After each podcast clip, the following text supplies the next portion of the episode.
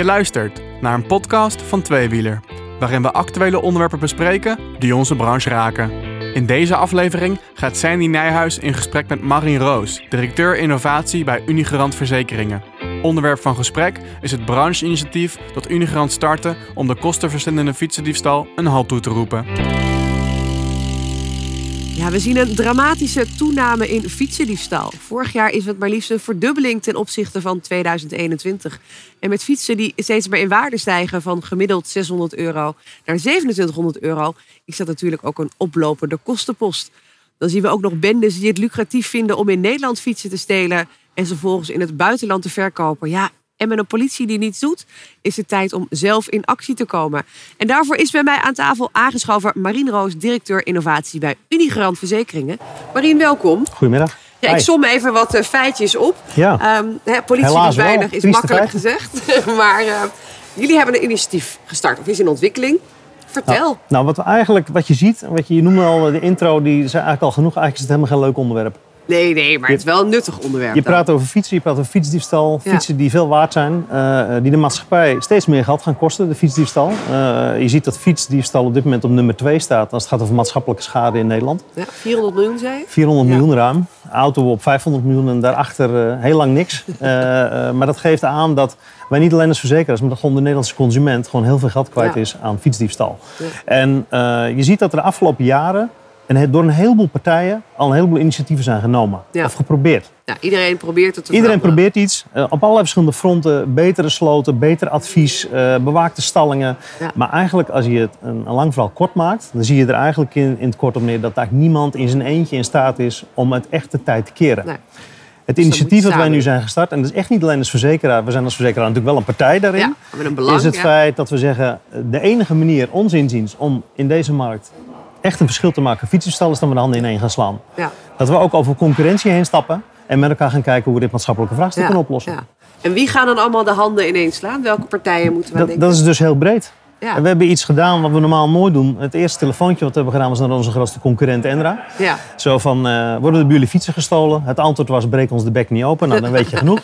Eh, maar dat gaat heel ver. Tot aan eh, fietsfabrikanten, tot aan politie, overheden, de NS, Ja. eh, slotenfabrikanten, eh, techniekfabrikanten. Ja. Het is eigenlijk heel breed. eh, omdat je eigenlijk allemaal een stukje van de puzzel in de hand hebt, Ja. denken wij. Mhm. En als we de puzzel met elkaar weten te leggen, dan hebben we nog steeds geen garantie of het lukt. Nee. Maar we hopen dat we dan wel een beter effect hebben dan losse initiatieven. Dus je zegt, weet je, als op meerdere terreinen allemaal de deur dezelfde kant op, dan hopen we in ieder geval dat we iets meer gaan bereiken. Ja. Ehm, je zegt ook, hè, iedereen moet dan iets doen. Kun je wat voorbeelden noemen? Laten we beginnen bij jullie. Jullie zijn verzekeraar. Ja, nou een van de dingen die, eh, eh, als je kijkt naar de fiets, je noemde hem al, de fiets is enorm in waarde gestegen.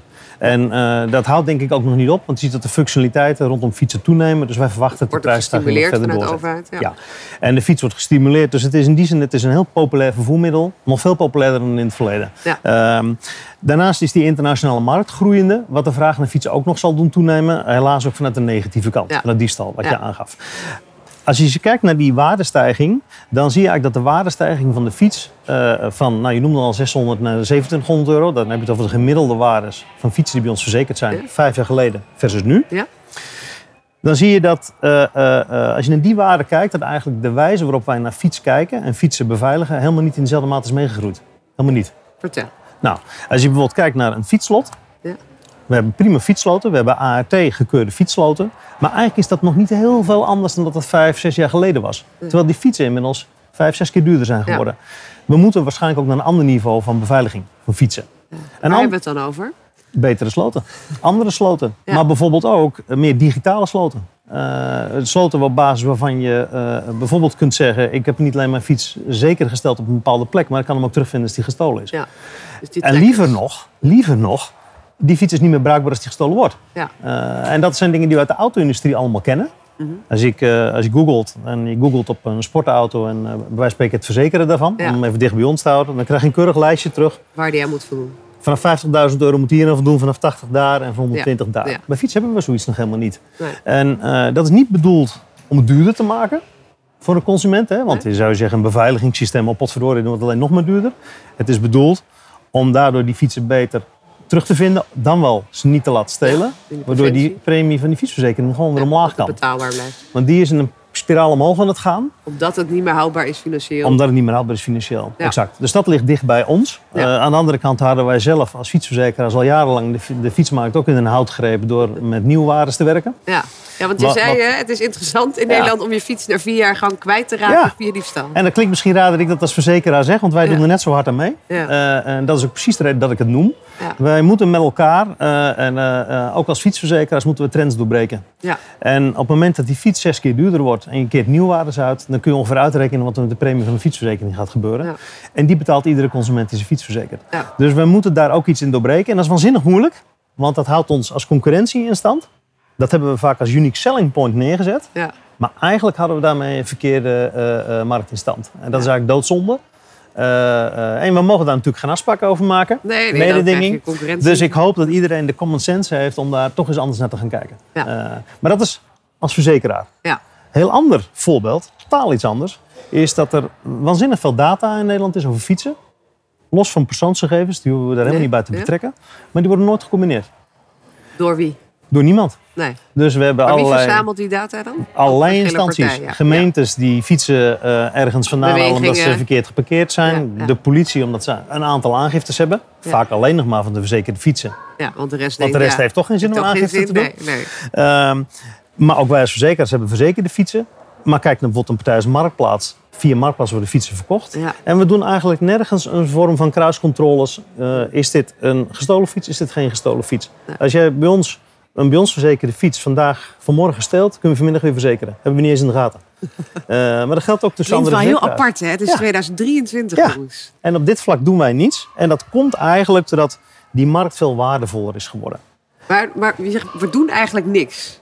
Waardoor komt dat dan? Nou, omdat we eigenlijk nog te veel denken in de mechanismes en oplossingen van 15 jaar geleden. verzekeren, Ja. zoals we altijd gewend zijn. En die fiets is gewoon veel meer waard geworden. Is Ja. er dus ook voor de dievengilde een interessant object geworden. Het is meer waard. En de Ja. afzetmarkt is groter geworden. Wij moeten meegroeien Ja. met die wereld. En dat zat aan de ene kant hè, aan, aan de technologie bij de fiets, waardoor je wat meer preventie komt, dat die niet gestolen wordt, wordt die wel gestolen. Preventie is Dat die dan- altijd beter dan hè, terugvinden. dat die traceerbaar is. Eh, maar wat zit dan aan de andere kant, ehm, hè, wat, je meer, wat je moet veranderen in je denken? Nou, een andere bijvoorbeeld is, eh, eh, iedereen, we kennen allemaal wel het fenomeen bewaakte fietsstalling. Ja, zeker. En ik moet altijd denken aan toen ik een klein jongetje was en op de lagere school zat. En ik in het dorp waar ik opgroeide mijn fiets bij het winkelcentrum neerzette. En er stond daar een mannetje. Niks ten nadele van vrouwtjes, maar er was toevallig een mannetje. En die, op het moment dat ik daar mijn fiets wilde parkeren, dan deed hij zo'n mooi labeltje aan mijn stuur. Ja. En ik kreeg een bonnetje. ja. En op het moment dat ik terugkwam, als ik was wezen winkelen, dan liet ik dat bonnetje zien met mijn fiets. Dan controleerde hij dat, scheurde die het labeltje eraf en kon ik weer weg. jij je fiets mee, want jij Ja. had het nummertje. Ja. Dus die, ik nam de fiets mee waarmee ik ook was gekomen. Ja. In huidige bewaakte fietsstallingen zie je dat vaak niet meer. Je hebt als persoon vaak toegang tot een stalling. Maar met welke fiets jij erin gaat of eruit gaat, of dat je überhaupt met een fiets erin gaat en met een andere eruit komt, weet je vaak helemaal niet. Ja. Ze zijn vaak met camera's bewaakt. Ja. Dus aan die registratie zijn we. Daar zullen we anders mee om moeten gaan. Ja. Ja. ja, en ik denk ook uiteindelijk dat we eh, in die end zullen eh, komen op een landelijke registratie van fietsen. Daar is al vaak zat over gesproken. Ja. Is nog nooit eigenlijk echt van de grond Nee, gekomen. gesprek is eerder gevoerd aan deze tafel. zeg. Precies. Ja. En eh, ik verwacht dat je uiteindelijk niet anders kunt dan dat te gaan doen. Eh, omdat je namelijk qua registratie van data ook partijen wilt hebben die er onafhankelijk in zijn. Ja. En niet partijen die er alleen maar een commercieel voordeel aan hebben. Dus uiteindelijk denk ik dat je daar wel degelijk terechtkomt. eh, eh, om te kunnen toetsen of fietsen wel of niet gestolen zijn, waar ze gebleven zijn, et cetera. Dat Ja. ga je krijgen. Eh, en die fietsenstallingen zullen we dus ook anders moeten doen. We hebben bijvoorbeeld een van de partners, die is ook de NS. Ja. En die zeggen ook, een van onze grootste problemen is fietsdiefstal. Ja. Want we hebben in het kader van duurzaamheid steeds meer mensen die de trein nemen. Komen En- bijna altijd met de fiets. ja. Hebben altijd haast. Dus die fiets controleren met die eigenaar is heel ingewikkeld. Want dan krijgen we een rij bij de ingang. Maar die, in die stallingen worden er net zoveel gestolen als erbuiten. ja, Dus dat is ook niet goed. Ja, dus eigenlijk Eh, hoef je helemaal niet meer bewaakt of onbewaakt. Het, het Precies. is nu En hetzelfde het is ook echt, En dat, dat, vinden vele bewaakte stallingen niet leuk. Maar Ja. er worden eigenlijk net zoveel fietsen vanuit een bewaakte stalling gestolen dan vanuit een Ja. niet bewaakte stalling. Ja. En dat is niet goed. Nee. Eh, dus daar zul je iets voor moeten verzinnen. Er zit, er zit best veel in gedrag, wat ik jou zo hoor. hè. We moeten uit het traditionele component. We moeten wat serieuzer die fiets de waarde geven die die nu ook letterlijk eh, in, in euro's heeft. Ja, het is, en het is gedrag eigenlijk van alle partijen. Ja. Eh, we richten ons vaak op de consument. En Ja. dat geldt ook. Hè. Het is nog steeds van belang. Het is een waardevol object dat jij je fiets veilig wegzet. Ja. En, en goed op slot zet. Dat blijft altijd. Dat, dat gaat niet weg. Dat zal nog steeds zo blijven. Ja. Maar ook voor alle partijen daaromheen. De stallingen waar ze staan. De, de fabrikanten die het aanbieden. De, de sloten die je erop zet. Ja, Dat hoort er allemaal bij. ja. Eh, Nou, dan ben jij directeur innovatie. Die lopen meestal wat, uh, wat voor de troepen uit, anders innoveer je niet. Um, jij hebt de NS gebeld. Wat zeiden ze? Leuk idee, gaan we niet doen? Of dachten nee, ze... de NS uh, was eigenlijk andersom. Ah. En dat is iets van ons, eigenlijk is ons grootste probleem is dit probleem. Ja. Uh, waarom? Omdat ze uh, nou, zien. Ze hebben ook treinen die niet rijden, is ook een groot probleem. Ja, dat is een groter probleem, denk ik inderdaad. En als je nog met de Eurostar naar Londen wil, heb je ook nog een probleem ja, precies. Maar we blijven even bij de fietsen. Ja. Zij hebben een groot probleem. Zij ja. hebben een groot probleem, vooral omdat het uh, negatief in het imago van de NS werkt als, je, als veel fietsen worden gestolen in een stalling ja. van de NS. Want daar moet hij veilig staan. Daar moet hij veilig staan, anders gaan mensen juist de trein vermijden en toch weer in de auto stappen. Dus voor hun is het in die zin, zij zeggen ook zelf, voor stations is het prio 1 om dit op te lossen. Uh, en dan hebben zij nog een dubbele uitdaging. Dat is, uh, veel fietsenstallingen hebben een prachtige entreepoort met, met elektronische beveiliging. Maar hebben ook nooduitgangen. En die moeten open en zijn. nooduitgang maar open zijn. Ja, ja. Dus de meeste gestolen fietsen gaan ook via de nooduitgang naar buiten. En niet via de uh, vooringang, nee, nee. Uh, via de voordeur. En dat, dat, het idee om daar iets te gaan... gaan uh, we willen eigenlijk met studenten gaan kijken... gewoon vanuit werktuigbouwkunde of wat dan ook... Ja. om eens te kijken, kun je hier oplossingen voor verzinnen? Die niet te veel inboeten op de capaciteit van stallingen... Maar wel leiden tot een betere kwaliteit van het verankeren van een fiets. Zijn er nog partijen die jij gebeld hebt die zeiden... we doen niet mee waarvan je hoopt dat ze nog aan gaan sluiten? Hoef je geen namen te noemen, maar misschien in sectoren? Nou, je ziet soms partijen, vooral uh, uh, daar waar fietsen worden uh, gekocht en verkocht... zie je vaak een soort terughoudendheid. Zo van, benader je mij nu omdat je vindt dat ik niet goed toezie op hoe ik fietsen verkoop mm -hmm. of, of koop...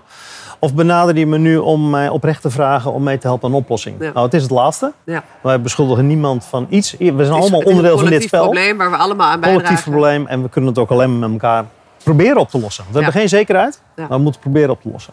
Ja. Doelstelling is het starten in 2024? Ja. Nou, het, idee is om vanaf 2024 de eerste maatregelen, uh, zoals het dan zo mooi heeft, op zijn plek te hebben. En, uh, Wat gaat die eerste zijn? Ik verwacht dat op duurdere fietsen er een, uh, net als bij duurdere auto's, er eisen komen rondom uh, beveiligingssystemen. Ja. Uh, dat zal in eerste instantie zal dat vooral gericht zijn, denk ik, toch wel op het terugvinden van fietsen. Ja. In tweede instantie op startonderbreking. maar ook wel op fysieke sloten. Ja. en die hadden we natuurlijk altijd al met ART, maar dat, dat verandert niet. Maar die, liever dat die nog een stap maken qua ontwikkeling. En de da aan de datakant zullen we een hoop gaan doen. Het vraagt wel voor heel veel partijen hun neus weer dezelfde kant op. Ga je dat redden in het komende half jaar? Ik ben een optimist. Sommigen noemen me zelfs een opportunist. Ja. Uh, uh, maar op het moment dat je iets met elkaar wil veranderen... Dat, dat is denk ik ook de grootste verschillende aanpak die we nu doen. Want ik doe mensen tekort als ik zou zeggen dat hier niet eerder over is gesproken. Ja. Uh, er is hier heel veel over gesproken. Een heleboel ideeën. Die zijn echt, ook echt al eerder genoemd. Alleen wat er vaak aan ontbrak... was het daadwerkelijk durven doen. Ja. en wat wij nu proberen te doen is dat laatste. Gewoon die stap zetten naar het durven doen. Ja. En dan moet je over de grenzen van je eigen concurrentie heen durven kijken. Uh, en als we daar iets mee weten te bereiken... Ik zou niet weten hoe het anders moeten bereiken. Dus, de, de, de passie is er in ieder geval. Veel Altijd. succes ermee. Dankjewel. Ja, fietsendiefstal, het is een dramatische toename... die bijna niet meer houdbaar is vanuit financieel perspectief. En dat komt omdat we de afgelopen tien jaar misschien niet allemaal... de juiste stappen gezet hebben in de actualiteit van de wereld waarin we nu leven. We moeten kijken naar andere verzekeringsvoorwaarden. We moeten kijken naar betere sloten, misschien zelfs startonderbrekers en vooral data uitwisselen met elkaar. Die toekomst gaat veranderen. Dat gaat alleen lukken als we dat samen doen met alle partijen die maar denkbaar zijn. Van bewaakte en onbewaakte fietsenstallingen, de NS tot de politie, tot alle fabrikanten en de verkopers, maar zeker ook de verzekeraars. We willen gaan starten begin 2024. Wij gaan dat uiteraard volgen. Bedankt voor het luisteren naar deze podcast van Tweewieler. Wil je meer te weten komen over interessante onderwerpen binnen de branche? Ga dan naar tweewieler.nl. Tot de volgende keer.